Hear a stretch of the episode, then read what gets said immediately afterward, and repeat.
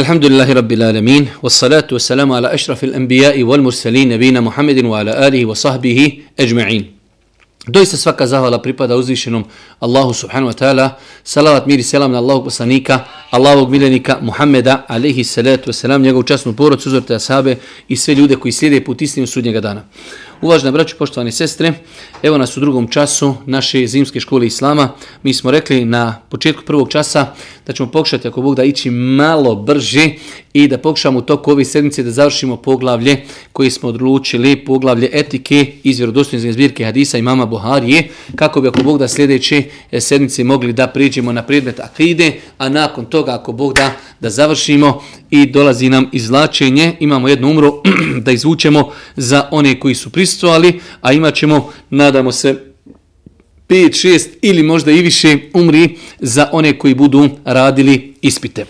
U svakom slučaju, Zadnji hadis kojeg smo komentarisali jeste hadis gdje Allah poslanik alaihi salatu wasalam obećava da će uzvišnji Allah subhanahu wa ta'ala oprostiti grijehe njegovom ummetu, sedmice njegovog ummeta, onima koji grijehe ne šire, ne hvališu se. Pa su čak islamski učenjaci kazali da je velika razlika činiti grijeh tajno i javno. Možda će neko i kazati, pa dobro, e, što tolika razlika da čovjek radi grijehe i E, tajno i radi i drugi čovjek radi javno grijehe.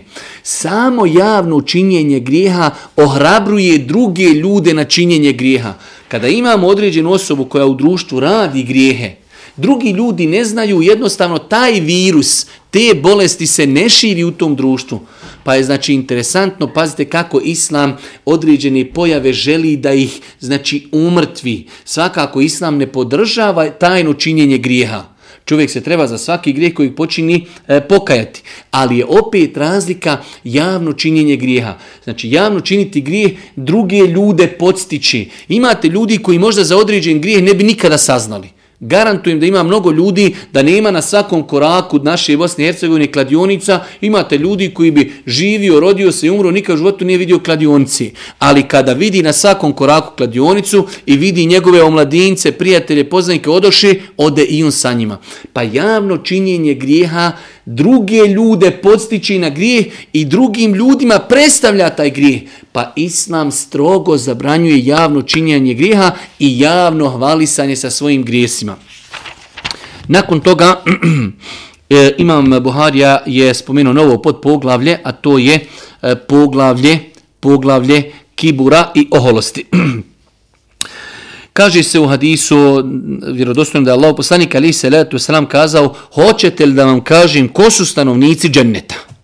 Allah poslanik alaih salatu selam pita sahabe, hoćete li da vam kažem ko su to ljudi, odnosno, koja su to svojstva koja imaju ljudi koji će ako Bog da biti stanovnici dženneta, a koja su to svojstva koja, bi, koja, će, koja imaju pre, pri sebi ljudi koji će završiti u džehennemu. Zašto Boži poslanik to govori? Iz razloga da bi se čovjek preispitao, pa kada Allah poslanik govori da određena dijela vode u džennet, zašto? Da bi mi se natjecali da činimo ta dijela, da budemo od onih koji će to i zaslužiti. S druge strane, kada slušamo da je određeno dijelo, ako se čini da je to vodi u džehennem. Zašto? Da bi se mi sačuvali toga, da bi to izbjegavali, e, ako imamo pri sebi to svojstvo, da pokušamo maksimalno da ga izbacimo iz svog života. Pa kaže Allah poslanik, ali se letu wasalam, Svaki slabi, obespravljeni, koji kada se Allahom zakune, on mu to ispuni. Svaki slabi, obespravljeni.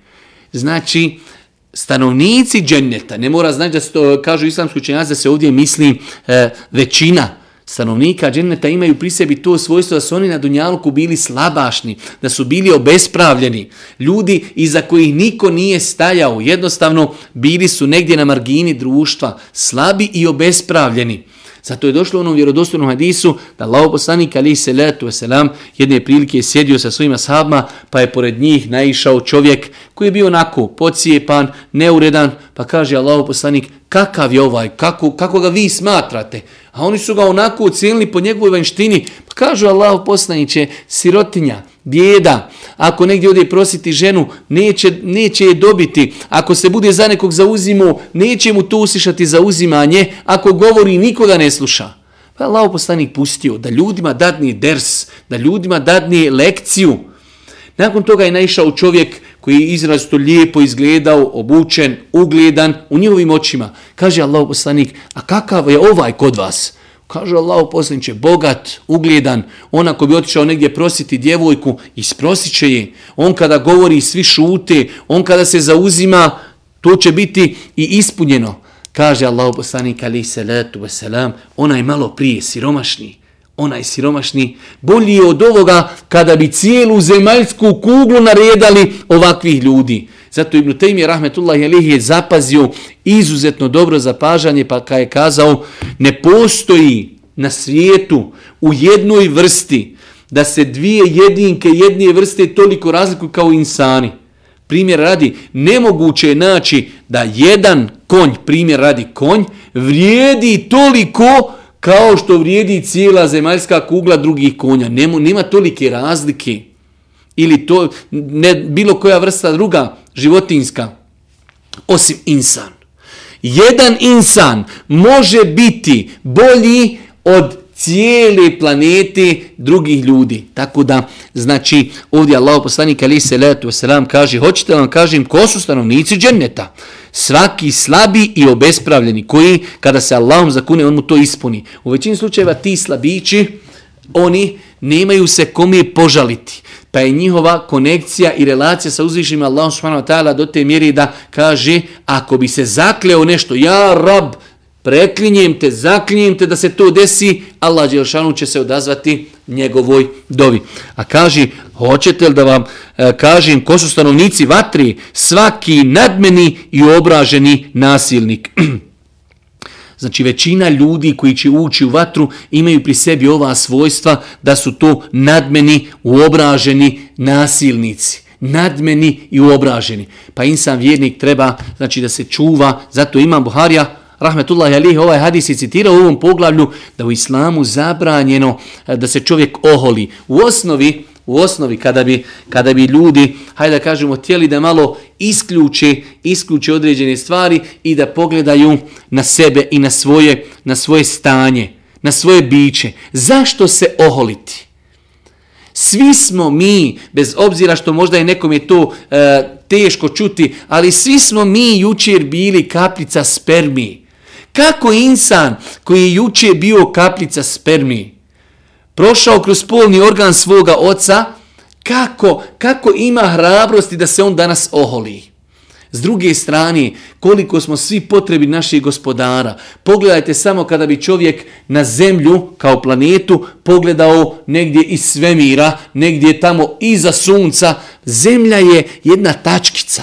Na toj tačkici maloj ima šest ili sedam milijardi ljudi poput nas. Zašto se onda oholiti? Svako od nas u stomaku ima prljaštine i neđaseta. Svi ćemo mi umrijeti. Svi će, sve će nas pojesti crvi. I čemu onda oholost? Zato Islam i zabranjuje oholost. Inne ekramekum inda Allahi etkakum. Doista su kod Allaha, doista su kod Allaha najbolji oni koji ga se najviše boji. Najveća referenca ljudi kod Allaha jeste iman, bogobojaznost, pare, ugled, ljepota, odjeća. Ne znači ništa ako nema imana. Ali ako ima iman, tek tada e, ugled i porijeklo i ljepota i odjeća što bi rekli nurun ala nur, daju čovjeku dodatne vrijednosti. Pa čemu da se čovjek, znači zbog čega da se čovjek oholi na drugim ljudima? Pogledajte najvit, najveće nasilnike u historiji. Gdje su danas? Gdje je danas faraon? Nema ga. Gdje su drugi ljudi koji su ratovali, ubijali? Nema ih. Pa nema čovjek u osnovi razloga da se oholi. Kaže se u hadisu Enes ibn Malika radijallahu ta'ala u istom poglavlju e, opisujući Allahu poslanika alejhi salatu vesselam kaže e, Enes ibn Malik radijallahu ta'ala hadis je ovdje malo po mom nekom skromnom mišljenju poprilično m, treba ga doraditi prijevod. E, u svakom slučaju Enes radijallahu ta'ala govori kako je Allahu poslanik bio e, ponizan, kako je bio jednostavan. Znali su, kaže, djevojčice u Medini, pa čak neki to prevode robinje, uzeti Božeg poslanika za ruku i kažu, hajde sa nama, otiđi do tog i tog mjesta, imamo neku potrebu, ti nešto pokažemo. Allahu poslanik, prvo on je kod Allaha najugledniji, drugo na Dunjaluku, on je prijesednik države, on je otac, on je, znači, e, imam ljudima u džami, daje fetve i sve to, I obična djevojčica dođe, uzme Božijeg poslanika za ruku i vodi ga i on ide tamo gdje ga ona vodi.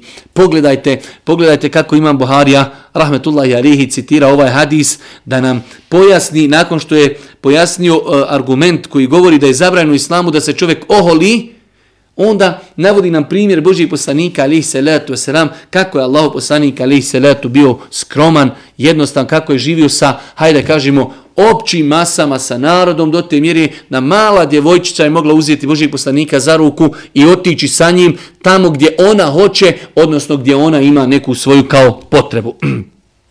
Nakon toga e, dolazimo do onog e, poglavlja, o njemu smo malo i govorili, rekli smo e, poglavlje izbjegavanja. Imamo ovdje e, e da vidimo e, nekoliko argumenata, ali nema potrebe inša da se oko njih zadržajemo. Prvi argument je e, da imam Buharija spomenuo riječ Božijeg poslanika, čovjeku nije dozvoljeno izbjegavati svoga brata više od tri noći. E, nakon toga spomenuo jedan događaj sa Ibn Zubeirom i Aishom radijallahu ta'ala. Kompletna priča se svodi da je e, Aisha radijallahu ta'ala kada je čula da Ibn Zubeir kazao da će on poduzeti određene mjere zato što ona udjeljuje poklone, ona se na njega naljutila, pa dugo vremena je bila ljuta na njega, bojkotovala ga je, pa je Ibn Zubeir posredstvom drugi ljudi ušao kod njih, kod nje, pa su oni počeli citirati Eishi radijallahu ta'ala hadise u kojima stoji da je Allah poslanik zabranio bojkot e, insana muslimana. Svoje priču ima Buharija citirao zbog toga samo što oni kada su ušli kod Aishi citirali su joj hadise u kojima stoji oni kažu Aisha zar se ne sjeća da je poslanik ali salatu selam rekao da je zabranjeno bojkotovati vrata muslimana više od tri dana i, i tri noći. Pa znači e, vraćamo se onome u prvom e, našem predavanju smo govorili za one koji možda nisu bili tu e, da u osnovi Allah poslanik ali se salatu selam zabranjuje da čovjek izbjegava i bojkotuje brata muslimana više od tri dana i tri noći. Islam je to dozvolio u granici tri dana i tri noći zato što jednostavno insan po svojoj prirodi slavašan, ima jednostavno svoje neke prohtjeve, može se desiti između insana i drugog čovjeka neki problem, neka nesuglasica, pa mu je Islam dozvolio tri dana da se on malo ohladi od svega toga. Nakon tri dana i tri noći već ono što bude bojkota je zabranjeno. Pa je Allah poslanik ali se letu se nam vjerodostojno hadisu kazao sretnu se jedan i drugi, pa okreni glavu jedan, okreni drugi, bolji je onaj koji prvi nazove selam. Bolji je onaj koji nazove e, selam i to nas postiče u islamu na međusobno izmirivanje muslimana, da je bolji u islamu onaj koji prvi nazove selam. Iako se kod nas to uvijek tumači kao što je on meni nazvao prvi selam, zato što je on kriv, zato što sam ja u pravu i tako dalje, čovjek vjernik se ne treba tome osvrtati, treba da želi time Allahu subhanahu wa ta'ala e, lice i zadovoljstvo, a mi smo rekli da Allah poslanik rekao ko se radi Allaha spusti i ponizi, njega će uzvišeni Allah subhanahu wa ta'ala uzvisiti i uzdignuti. Rekli smo da islamski učenjaci tumači e, ovaj bojkot na način ako se to radi zbog dunjalučke koriste. Ako je u pitanju neka islamska šerijetska koriste koja e, ima cilj da se insan popravi, tada bojkot može trajati više od tri dana, shodno onom događaju da Allah poslanik ali se letu sram, on i svi stanovnici Medini su bojkotovali Kabri ibn Malika i još dvojicu ljudi koji nisu e, bili u bici na, na Tebuku.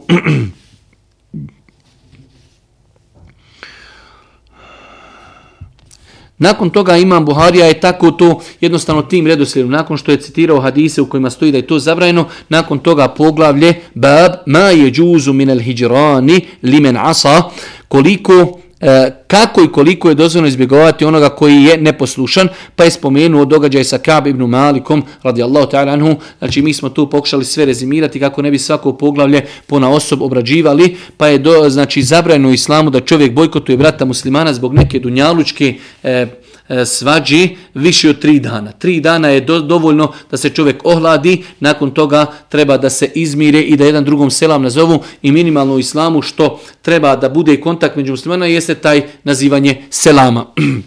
Dok ako smo rekli smo e, da ako se radi o nekoj koristi e, koja bojkot koji ima korist da čovjeka odgoji, znači od strane nekoga koja je autoritet, onda to može potrajati i duži. Nakon toga, Imam Buharija, rahmetullahi alihi, eh, počinje sa jednim kao novim eh, jednostavno, jer ovo je cijelo poglavlje etike. Pa Imam Buharija u toj etici navodi razno razne hadise kako i na koji način čovjek treba da se obhodi i ponaša prema ljudima koji ga okružuju. Pa kaže Imam Buharija, bab, zijaratu tu, E, ezijara u ovim zara kaumen fe ta'ime indahum poglavlje posjećivanja, međusobno posjećivanje muslimana i s druge strane da čovjek ako je nekoga i posjetio da može u islamu je to, hajde kažemo dozvoljeno, da kod njih i jede i objeduje.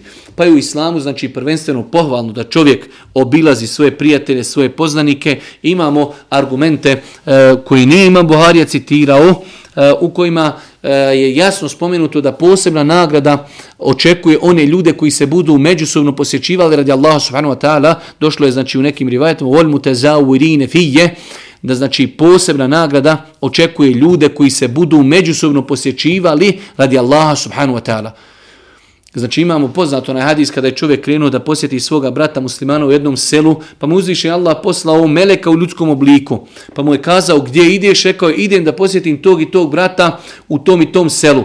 Pa mu je kazao jel imaš neku potrebu ili ne kaže nemam nikakvu potrebu, idem samo da ga posjetim radi Allaha subhanahu wa ta'ala. Mi je to brat po islamu pa kaže Allah te je zavolio kao što ti voliš tog insana. Znači, velika je nagrada obećana onima koji budu se međusobno, međusobno voljeli i međusobno posjećivali.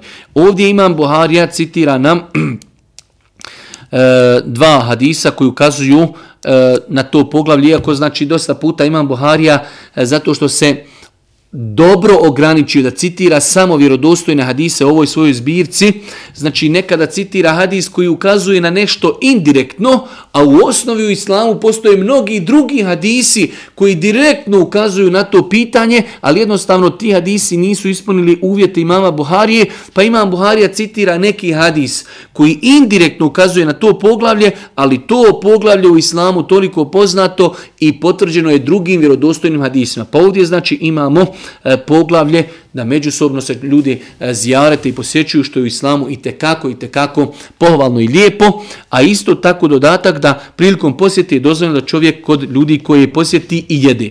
Pa je ovdje je, Imam Buhari samo citirao onaj poznati događaj kada je Selman radi Allah posjetio Ebu Derda. Imamo poznati događaj koji je zabilježen e, da je Selman radi Allahu Taranu posjetio Ebu Darda, Allahu poslanik ali salatu selam je posjetio E, pobratimio prilikom dolaska, znači muhađira insarija, pobratio je između Selmana i Ebu Derda. Pa je Selman radijallahu ta'ala jedne prilike posjetio Ebu Derda, pa prvo što je došao, došao je i vidio i zatekao je da Ebu Derda nije, nije kući. Ebu Derda nije kući. Pa je vidio da je njegova žena jednostavno ne vodi do sebe i do svoga izgleda, njena odjeća je sva, hajde da kažemo, pohabana i tako dalje. Pa kada je upitao šta je razlog tome, kaže tvoj brat Ebu Derda, on jednostavno nema nikakve potrebe za dunjalukom. Pa kada je došao Ebu Derda, rekao je supruzi da iznese Selmanu hranu, kaže ja ne mogu jesti, ja postim. Pa je Selman radi Allah odbio da jede i kaže dok i ti ne jediš sa mnom. Pa Imam Buharija zbog toga i citirao ovu predaju u kojoj stoji da je Ebu Derda, da je Ebu Derda e, znači iznio hranu e, Selman radi Allah iako je on to odbio, jednostavno želeći da ga malo ukori, da u svemu treba imati mjere.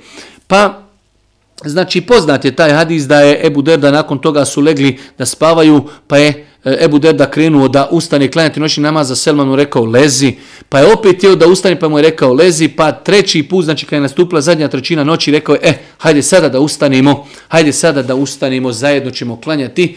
I onda mu je Selman radijallahu ta'ala rekao, e, stvar koja je postala jedno veliko pravilo koje je Allahu poslanik poslije odobrio pa mu je rekao i tvoja supruga ima kod tebe pravo i tvoje oči imaju kod tebe pravo i tvoje tijelo ima kod tebe pravo وَأَعْتُوا كُلَّ ذِي حَقٍ حَقَّهُ Dajte svima onima koji kod vas uživaju neka prava, dajte im njihova prava. Ok, ti hoćeš da klanjaš noćni namaz, ali tvoje tijelo ima pravo da se odmori, tvoje oči imaju pravo da se naspavaju, tvoja supruga ima pravo kod tebe da budeš sa svojom suprugom, da se sa njom družiš i tako dalje. Pa je znači islam vjera koja jednostavno reguliše čovjekove odnose na, na dunjaluku Ne da bude nešto na uštrb nečega drugog. Čovjek cijeli dan posti, cijelu noć klanja, a dobro, gdje je pravo suprugi, gdje je pravo majki, gdje je pravo djeteta, gdje je pravo tijelo? Pa znači Islam ne želi čovjeka da samo ode u jednu krajnost. U svakom slučaju ovo je jedan veliki, veliki hadis koji e, podučava vjernike da treba da budu, da budu e, uravnoteženi u svome životu. Pa znači čovjek uravnoteženo i umjereno i badeti, i posti i klanja noći namaz i da ima vremena za suprugu i za svoga brata muslimana i za posjetu i za roditelje i tako dalje. U drugom hadisu stoji u Denesa radijallahu ta'ala anhu da je Allah poslanik ali se letu selam posio jednu, jednu kuću ensarija i kod njih je jeo. Pa kada je htio izaći Allah poslanik ali se letu selam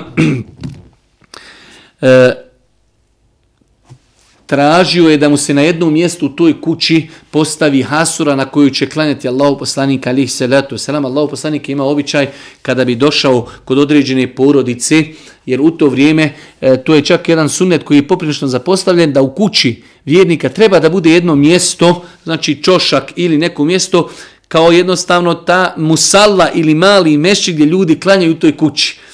Pa su znali ashabi Božijeg poslanika nekada zovnuti i kažu Allah poslaniče dođi da nam ti klanjaš na određenom mjestu u kući, i tu ćemo i mi nakon toga klanjati poslije tebe. Pa je Allah poslanik alaih salatu wasalam u ovoj prilici posjetio tu porodcu, kod njih je objedovao, nakon toga je zatražio mjesto u kući gdje je slobodno da tu klanja, a oni su klanjali zbog blagoslova i bereketa za Allahovim poslanikom alaih salatu wasalam. Imam Buhari je citirao ovdje ovaj hadis samo zbog riječi da je Allah poslanik posjetio i kod njih je objedovao, što znači nema nikakve sramote ni smetnje da čovjek posjeti svoje prijatelje i u prilikom te posjete da ga oni ugoste, da mu iznesu hranu i da on uzme tu hranu, te, to neće, hajde da kažemo, umanjiti od njegove vrijednosti. Tako danas, znači neki ugljednik ili e, čak e, vjerski prijedvodnik poglavar može da posjeti nekog, znači običnog insana i da kod njega nešto pojedi. Nakon toga, nakon toga poglavlje novo, odnosno pod poglavlje bab mente džemmelelil ufudi, onome koji se dotjeruje za doček delegacija. Imam Buharija je ovdje citirao onaj poznati hadis od Omera radijallahu ta'ala da je Omer radijallahu ta'ala vidio uh, jedan ogrtač kako se prodaje pred džamijom pa je došao poslaniku ali se ratu sram i kazao o Allahu poslaniće kada bi kupio taj ogrtač da se možeš dotjerivati kada ti dolazi delegacije. Pa Allahu poslanik alaihi salatu wasalam nije mu negirao te njegove riječi. Već Omer mu je predlagao da kupi e, ogrtač koji je bio od svili. Pa mu je Boži poslanik negirao da nosi taj ogrtač jer je to zabranjena vrsta ogrtača. Ali mu nije negirao riječi gdje mu je Omer radijallahu ta'ala kazao Allahu poslanik će kupi ovaj ogrtač pa ga oblači kada ti budu dolazile delegacije. Pa je znači propisano i lijepo je u islamu da čovjek jednostavno, e, kao što kažu Arapi, e, enzilu nase menazilahum, dajte ljudima njihova prava koja uživaju. Pa čovjek treba da uvažava ako dolazi kod njega neka delegacija, dolazi neki ugledni ljudi, e, da jednostavno e, nema u tome ništa sporno da čovjek određenim ljudima zbog njihove zasluge, zbog njihovog mjesta u društvu, da ih posebno dočeka, tako je Boži poslanik, znači kada bi dolazile delegacije, imao bi posebno odjeću u kojoj će se obući kako bi njima iskazao respekt. Pa znači nema ništa sporno u tome, ne daj Bože, može to neko smatrati kao neki vid e, bojim se reći veliku riječ, ali jednostavno nema ništa sporno u tome da čovjek jednostavno možda ako dolazi kod njega siroma, njega će dočekati onako kako doliči da dočeka siromaha. Ali isto tako ako kod njega dolazi neki veliki uglednik, čovjek koji uradio mnogo za islam, veliki učenjak ili veliki neki politički prijestavnik, da njega dočeka na nivo i način onako kako to njemu doliči. Pa vidimo da je Allah poslanik alaihi salatu wasalam, znači posebno se oblačio i dočekivao delegacije koji su dolazile Božijem poslaniku da bi primile islam. Nakon toga jedno poglavlje koje je nako u jednu ruku interesantno, koje je potrebno čovjeku u svakodnevnom životu, a to je, kaže, poglavlje babu el ihai wal hilfi, bratimljenje i savezništvo bratimljenje i salezništvo. Mi znamo svi da Allah poslanik alaih salatu wasalam kada je došao iz Mekke u Medinu, napravio je dva velika koraka e, koji su učvrstili e, društvo e, u tom periodu, odnosno to su bili stubovi države Allahog poslanika, to je izgradio je džamiju, izgradio je mjesto gdje će se ljudi okupljati, konsultovati, učiti, klanjati, robovati Allahu, Znači džamija za vrijeme Božijeg poslanika imala je razno razne funkcije, mnogo šire funkcije nego što to e, danas džamija ima. Danas je u džamiji skoro pa i nekulturno da neko legni, da se malo nagni, da, dok za vrijeme Božijeg poslanika džamija je služila za mnoge stvari, pa su neki znali i jesti u džamiji i ležati u džamiji, pa su znale e, se određavati određene igre u džamiji, znači dolaze su abesin, e, ljudi iz Abesinije, pa bi se svojim kopljadima ili mačevima izvodili e, igre i neke nećemo reći vjerske, ali znači vježbe, rituale i tako dalje. Mnogo, mnogo toga se dešavalo u džamiji. Pa je Allah poslanik ali se letu selam e, izgradio svoju medinsku državu na dva velika temelja. Pobratio je između muhađira i ensarija, da jednostavno e, nestanu te neke, nazovimo ih, e, društvene razlike. Ovo su muhađiri, koji su došli iz Mekke, ovo su ensarije, starosjedijeci u Medini, pa je Allah poslanik alaih salatu wasalam, znači pobratio, a s druge strane imamo, kaže, poglavlje savezništa. Od Ebu Džuhajfi kaže, vjerovjesnik sallallahu alaihi wasalam pobratio je Selmana i Ebu Drda. To je znači jedna konstatacija, znači mnogo, mnogo je ashaba, Allah poslanik alaihi salatu wasalam pobratio između nekog od muhađira i nekog od ensarija. E, isto tako, Abdurrahman ibn Auf kaže kada smo došli u Medinu, vjerovjesnik sallallahu alejhi ve sellem povratio je mene i Sad ibn Rabi'u. Sad ibn Rabi'a, znači Abdurrahman ibn Auf je bio iz Mekke, a Sad ibn Rabi'a je bio iz Medine i poznata je onaj događaj, vjerodostojan događaj da je Sad ibn Rabi'a shvatio to pobratimljenje toliko ozbiljno da je kazao Abdurrahman ibn Aufu, ja sam jedan od najbogatijih ljudi u Medini, pa spreman sam ti dadnim pola svog imetka. Abdurrahman ibn Auf je bio čovjek i bogobojazan, a bio je iskron pa je kazao Allah te nagradio na tvojoj, e, ajde da kažemo, želji i tijenju da me pomogneš, ali kaže, da vi meni kažete gdje je pijaca, ja želim da radim, želim da trgujem, želim da investiram, pa je uskoro zaradio određeni metak, pa nakon toga je i oženio se, pa je se Allah poslanik i začudio, oženio je jednu insariku, kaže šta si joj dao kao vjenčani dar, kao dao sam joj za vjenčani dar toliko zlata koliko je teška košpica od datuli. Ali znači, alhamdulillah, nije želio da prihvati nešto što mu je poklonio njegov brat po vjeri, već je želio da radi, pa je radio, radio, zaradio. Abdurrahman ibn Auf je inače bio poznat E, po dosta imetka i bio je čovjek koji je mnogo radio. Nakon toga imamo hadis e, 6083. Hadis od Enes ibn Malika se prenosi da su ga pitali jesi li čuda Allahov poslanik ali se letu selam rekao nema savezništva u islamu. Pa je Enes odgovorio vjerovjesnik sallallahu alejhi ve u mojoj je kući zaključio savez između pripadnika Kurešija i Ensarija. Znači ovdje imamo, ovdje imamo vjerodostojen hadis da je Allah poslanik ali salatu wasalam e, rekao nema savezništva u islamu. A nakon toga, kada su Enesa radijallahu ta'ala pitali, Enes im je radijallahu ta'ala odgovorio indirektnim odgovorom, kaže, a ja sam bio prisutan tu, u mojoj kući je napravljeno savezništvo između e, Kurešija i Ensarija, između, znači, Muhađira i Ensarija. Pa kažu islamski učenjaci da riječi Allahu poslanika se salatu selam imamo znači hadis u kojem se kaže nema savezništva u islamu, a imamo s druge strane argumente koji potvrđuju potvrđuju da u islamu imaju savezništva gdje ljudi se udružuju međusobno u datom momentu. Pa su kazali islamski učenjaci da ne iz, uh, e, hadisi u kojima Allah poslanik zabranjuje savezništvo jeste ono savezništvo koje je bilo prije Islama. U islamu, prije Islama je bilo savezništvo da, da neka plemena uđu u savezništvo i onda jedni su saveznici drugima na neistini. Pa primjer radi bili su spremni da izvrše znači napad na neko pleme samo zato što je neki čovjek iz tog plemena nešto uradio i da zbog jednog čovjeka ubiju desetine ljudi. Pa znači kada vidimo hadise u kojima Allah poslanik zabranjuje savezništvo, misli se savezništvo koje nije zasnovano na islamskim principima.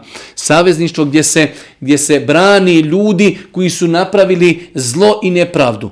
U, znači prije, islam, prije islama Arapi su znali napraviti savezništvo, jedni potpomažu drugi, pa makar ovi drugi bili krivi i makar znači napravili li nekome nepravdu, oni će biti sa njima zato što su oni jedni drugima saveznici. Pa je Allah poslanik to negirao. U islamu nema tog džahilijetskog savezništva. U islamu ima savezništvo da se određeni narodi, određena premlena, određeni ljudi da se ujedine, se udruži, ali kako? Da bi se potpomagali na putu istine, da bi se zajedno borili protiv neprijatelja, da bi zajedno se potpomagali i da bi zajedno robovali vjerovali uzvišenom Allahu subhanahu wa ta'ala, tako da je to ispravno razumijevanje hadisa u kojima Allah poslanik ali se letu selam e, znači zabranjuje savezništvo i hadisa u kojima Allah poslanik ali se letu selam to dozvoljava. I ovo nas opet vodi u jednom pravcu koliko je bitno da čovjek kada čita određene hadise može da se vrati na komentar hadisa. Nekada ćemo vidjeti hadis koji u osnovi možda e, njegova vanština nam je nejasna. Sada da vidimo hadis e, nema savezništva u islamu, nakon toga Allahu poslanik je napravio savezništvo između muhađira i ensarija. Kako sada neko ko, e, ko bi možda to čitao, ne zna komentar svega toga, reče pa u ovoj vjeri u islamu ima kontradiktorni hadisa. U jednom hadisu se kaže nema savezništva, u drugom se kaže ima savezništva. Tako da ispravno razumijevanje da hadisi u kojima je Allah poslanik zabranio savezništvo, misli se na savezništvo predislamsku, gdje su ljudi pomagali jedni drugima na neistini. Potpomagali su se na neistini. Potpomagali su se da bi branili onoga koji čini nepravdu. Dok u islamu postoji savezništvo da se ljudi ujedine, da naprave savez da bi branili istinu, da bi branili onoga kom je učinjena nepravda, a ne onoga koji čini nepravdu. Nakon toga, E, Imam Buharija je doista citirao nekoliko podužih hadisa, ja ću i pokušati neke od njih samo rezimirati, e, jer rekli smo Imam Buharija je e, izuzetno pronicljiv, nekada citira jedan dugi hadis u jednom poglavlju i taj hadis ima možda desetine i stotine koristi, ali ga Imam Buharija citira samo zbog jedne riječi, kao što je slučaj u ovom poglavlju. Pa kaže se poglavlje, poglavlje babu tebesumi wad dahik, poglavlje osmijeha i smijanja. Hoće da Imam Buharija nam citira nekoliko argumenta i hadisa da je Allah poslanik alaih salatu wasalam e, bila je normalna stvar u njegovom životu da bi se nasmijao kada vidi nešto što je lijepo, smiješno. S druge strane, ni u čemu nije dobro pretjerivati. Pa znači da se čovjek osmijehni kada nešto vidi, to je umjerenost. Da se čovjek grohotom smije, to je već malo pretjerivanje. A isto tako da čovjek bude namrgođen i da se nikad ne nasmije, i to je pretjerivanje u lijevo. Pa imamo znači kako nas Islam Pogledajte kako nas Islam odgaja, čak i u našem ponašanju i kada se radujemo i veselimo, imamo granice. Da se čovjek nasmije, da bude ozaranog lica, da kada ljudi nešto se desi i kod njih nešto veselo, da se i on nasmije. Ali ne, zaista nekada čovjek bude u autobusu ili na pijaci ili pa čuje nekoga tamo sa 30 metara kako se smije, pa svi bulje u njega ono halo, pa zar ne razumiješ da, da to ne doliči, da se čovjek toliko grohotom smije. Pa je Allah poslanik alaih salatu wasalam, znači bio umjeren u svemu. E, većina hadisa koji govori o poslaniku govori da je Allah poslanik njegovo smijanje je bilo osmijeh na njegovim e, usnama i ustima, ali nije se grohotom smio, a isto tako vidjet ćemo da je bilo ashaba koji kažu Allahu poslanik od kako sam primio islam nikada me nije sreo, a da me nije sreo veselog i ozarenog nasmijanog lica. Pa znači imamo krajnost Imamo ljudi koji su namrgođeni, kada te sretnu, znači spojenih obrva, ne daj Bože da se on nasmije, jer on kao nešto bojkotuje, on nešto kao ljut, on nešto kao srdit, on nešto nezadovoljan i tako dalje. Pa to nije praksa poslanika, a iz druge strane nije praksa poslanika otići u drugu krajnost, pa šta god neko kaže da se čovjek grohotom smije.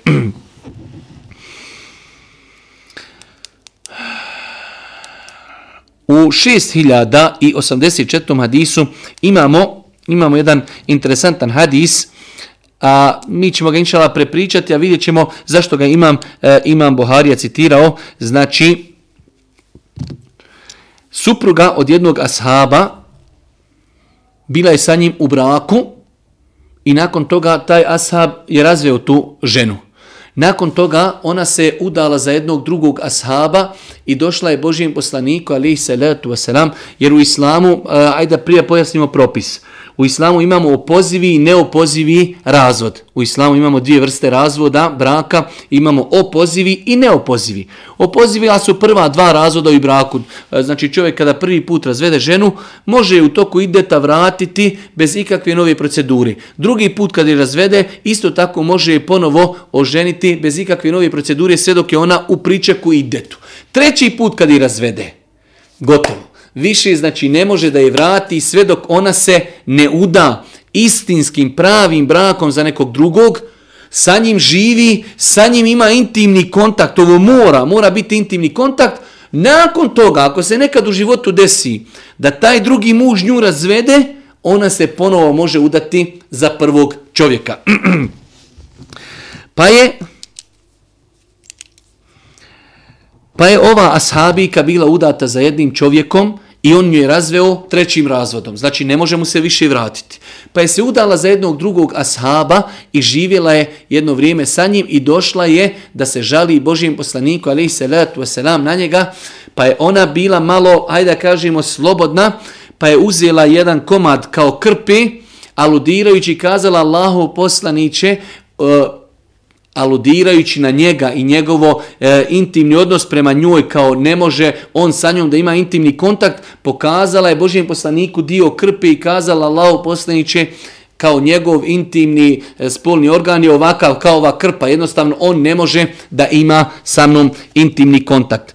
Pa je znači Hald ibn Velid kada je čuo šta ona govori Božijem poslaniku, ali se leto se nam kazao je Ebu Bekre, zar nećeš ovu prekinuti da naglas tako govori pred Božijim poslanikom, ali se leto se nam, na to je se Allah poslanik samo osmijehnuo, zatim ju je kazao, možda bih htjela da se vratiš rifi, Rifai, ne, dok ti ne okusiš e, njegovo, a on tvoje sjeme. Allah poslanik, ali se letu se nam, Hald ibn Velid kada je čuo tu ženu da tako hajde da kažemo, e, govori pred Božim poslanikom, uzela je znači krpu i njom je mahala i kazala je, njegov spolni organ je kao ova krpa, ne može imati nikakav intimni odnos, ja želim da se od njega razvedem.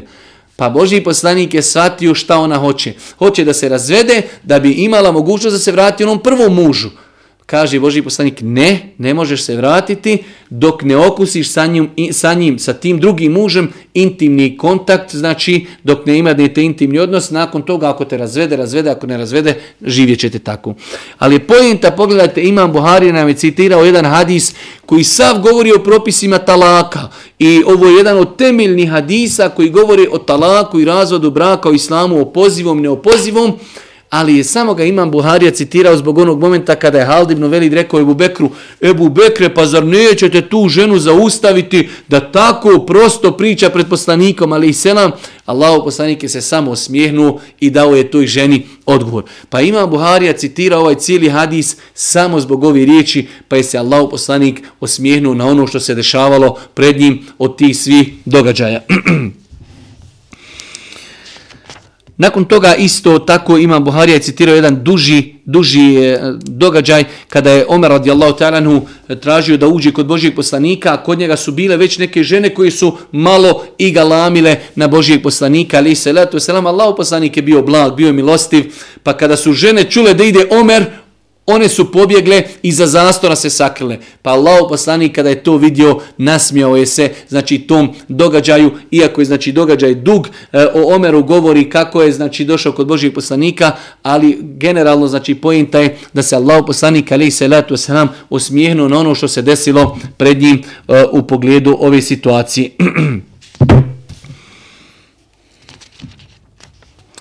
Isto tako, E, drugi hadis, iako ćemo evo, hajde da kažemo, citirati samo nekoliko hadisa da ne bi odužili. E, kada je Allah poslanik, alaih salatu wasalam, bio u pohodu na Taif, pa je kazao, sutra ako Bog da se vraćamo. Tada neki od njegovih drugova, Allah poslanika, rekoši, nećemo odustati dok ga ne osvojimo Ustante onda i borite se, reče Allah poslanik ali se ratu selam, pa su krenuli žestoko se boriti protiv nevjernika, pa su zadobili mnogi rane. Tada Allah poslanik ali se ratu selam reče, sutra se ako Bog da vraćamo, on prenosioc kaže, prešutjeli su, pa se Allah poslanik ali se letu selam nasmijao. Znači, pojenta je da je Allah poslanik musliman su obsjedali Taif. Pa je kazao ashabima, dugo smo ga obsjedali, ne možemo ga osvojiti, sutra krećemo nazad. Pa su neki ljudi željni još borbe, kažu Allahu poslije mi ne bi da se vraćamo dok ga ne osvojimo. Pa Allahu poslije kaže, dobro, hoćete da se borite, ne, nije vam želo da krvarite, hajde, kaže, bujrum. Pa su, kaže, krenuli u borbu, pa su zadobili žestoke rane, imali su dosta povrijeđeni, kaže, opet sutra Allah poslanik, hoćemo se vratiti nazad. Sada kada su vidjeli koliko ima novi ranjeni, kako je to teško, sad su jedva dočekali da poslanik rekne, hajmo mi, uh, nećemo više osvajati tajf, pa se onda Boži poslanik osmijehnuo o tome, znači zašto to niste prihvatili juče kada sam rekao, ne bi ovi novi ranjeni bili ranjeni, pa je se Allah poslanik ali se letu se nam e, nasmio o tome. Isto Allah poslanik, e, odnosno Imam Buharija nam je citirao hadis 6087, opet hadis koji je kompletan, vezan za poglavlje posta i mi smo ga citirali u poglavlju posta kada smo govorili onaj čovjek kada je došao Božijem poslaniku ali se letu selam i kazao Allah poslaniće uništen sam, jednostavno uradio sam veliko djelo koje me uništava. Pa je rekao Allah poslanik šta je problem? Pa je rekao da je imao intimni kontakt sa svojom suprugom u danu kada je postio. Pa je Allah poslanik ali salatu wasalam selam pitao ga može li osloboditi roba, pa je rekao da ne može. Pa ga je pitao može li postiti 60 dana, pa je rekao da ne može. Pa je rekao da nahrani 60 siromaha, pa je rekao da ne može. Znači redoslijed je prvo rob, nakon toga 60 dana postiti, nakon toga nahraniti 60 siromaha. Pa je rekao da ne može, nema šta. Pogledajte, na početku hadisa dolazi i kaže Allah poslije uništen sam, zabrinut, prepadnut, Pa je seo taj čovjek od Božijeg poslanika, pa je donešena jedna korpa Božijem poslaniku, ali se letu se nam datula, pa je Božiji poslanik rekao, uzmi tu korpu, pošto ne možeš roba osloboditi, ne možeš postiti, nimaš hrani za 60 siromaha, evo ti korpa datula, idi podijeli to ljudima kao iskup. Pa je ovaj čovjek rekao, Allah poslaniće, a da li da ja to dijelim nekome koji je siromašniji od mene? Kaže, tako mi Allaha u Medini, znači između dva brda Medina gdje pada, kaže, nema siromašnije kući od moje kući. Pa se Allah poslanik nasmio i kazao, idi i te datule koji si trebao siromasima podijeliti, podijeli svojoj poroci da to bude iskup. Ali je pojenta, pazite, da imam Buhari ovaj kompletan hadis, znači koji govori o postu i o propisima posta i kakav je iskup za onoga koji prekrši post tako što je spavao, intimni kontakt imao sa suprugom u danu Ramazana, Sve je citirao samo na kraju kada je ovaj čovjek znači rekao Allahu poslaniće, a da li da ja to podijelim nekom koji je siromašniji od mene? Ja sam najsiromašniji. Pa je se Allahu poslanik nasmio i rekao idi i podijeli to svojoj idi to podijeli svojoj poroci.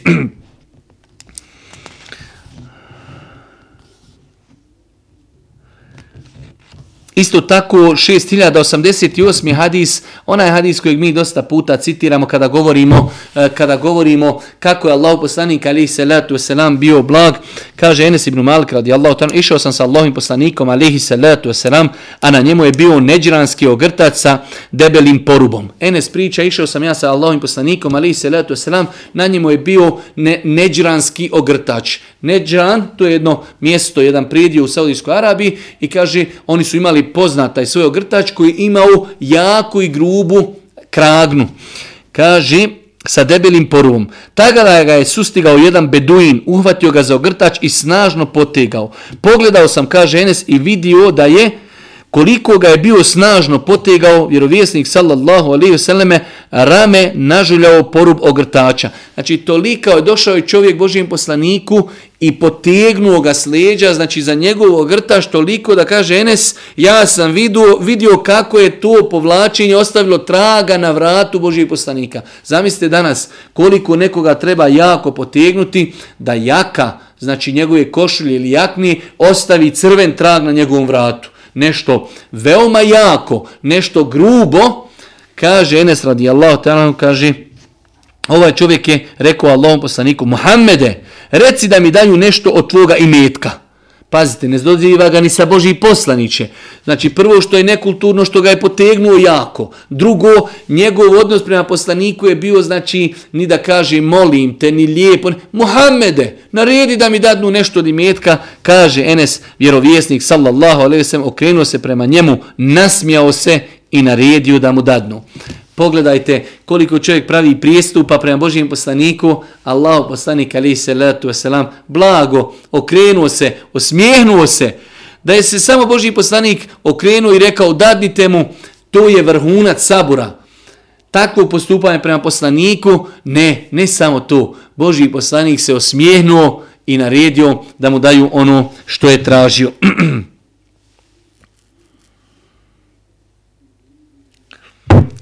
E, nakon toga kaže Džerir radijallahu ta'ala od kako sam primio islam vjerovjesnik sallallahu alejhi ve sellem nikada me nije e, Nikada me nije spriječio da ulazim kod njega i nikada me nije ugledao, a da mi se nije u lice osmijehnuo. Džeri radijallahu ta'ala kaže, nikada nisam sreo Božijeg poslanika, ali se letu selam, a da se Božiji poslanik nije osmijehnuo meni u lice.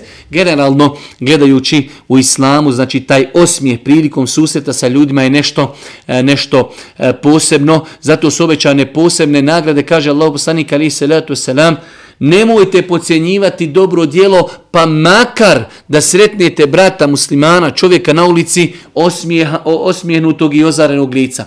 Pa je u islamu sresti nekoga na ulici, ozarenog lica i veselog lica, to je također sadaka.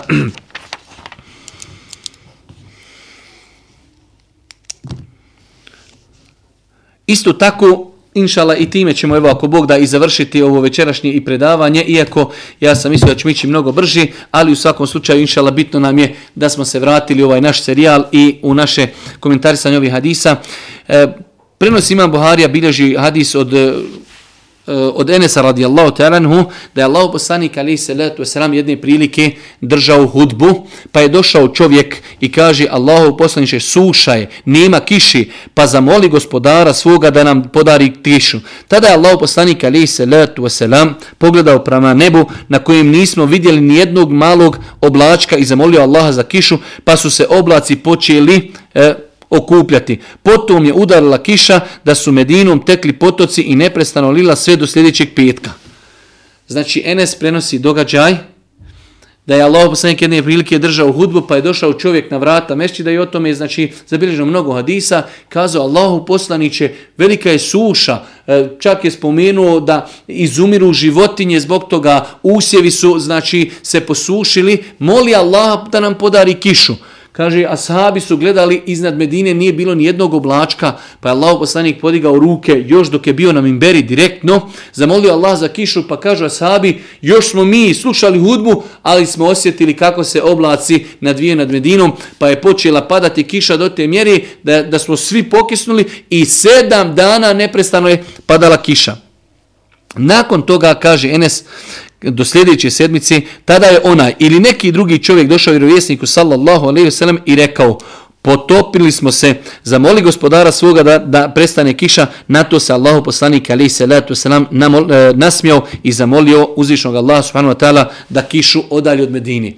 Znači, događaj se je desio da je čovjek došao jedne sedmice, moli o poslaniće, suša, daj nam kišu.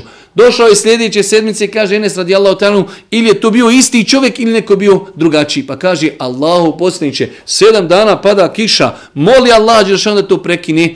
Pa kaže Allahu poslanik se nasmio tu njegovom stanju i halu, kakav je insan. Sada mu treba kiša, sada mu ne treba kiša. Pa je Allahu poslanik zamolio uzvišnog Allah subhanahu wa ta'ala eh, da kišu od Medine udalji, pa je Allah subhanahu wa ta'ala ispunio dovu Božijem poslaniku. U svakom slučaju vidjeli smo da imam Buharija koliko je bio pronicljiv, citira hadise koji u momentu obrađuju jedno posebno poglavlje, ali samo zbog momenta da se Allah poslanik u tom e, dijelu hadisa nasmio, imam Buhar nam je citirao nekoliko hadisa da vidimo da je sunnet praksa Božijeg poslanika ali se ratu selam bila da je bio ozarenog i veselog lica. Molim Allah subhanahu wa ta'ala da nas poduči propisima vjere i na kraju subhaneke Allahumma biham bihamdike subhaneke Allahümme bihamdike eşhedü en la ilahe illen estağfiruke ve etubu ileyk.